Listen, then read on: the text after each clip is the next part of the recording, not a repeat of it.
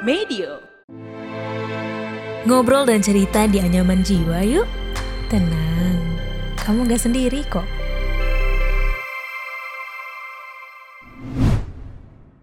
Eh, sebelum lanjut, tanggal 4 November nanti, Kukuh, Dwik, Egi Hau, dan Gautama bakal tanding futsal nih. Pengen main bareng mereka?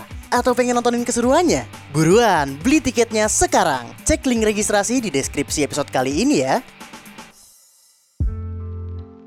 Hai, aku mau nanya deh, kamu lebih suka jadi pendengar atau pencerita? Dua-duanya sih sama-sama punya manfaatnya sendiri ya. Kalau suka jadi pencerita, kamu jadi merasa lega dan bisa saja dapat perspektif baru.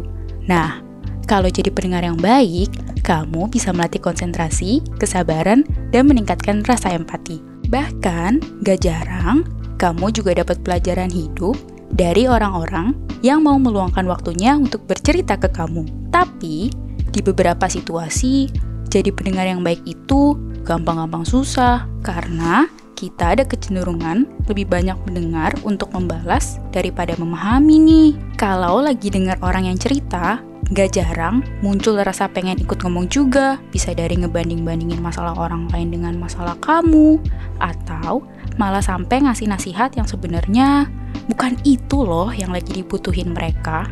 Meski kedengarannya harmless, sebenarnya sikap seperti itu nggak bijak untuk dilakukan loh.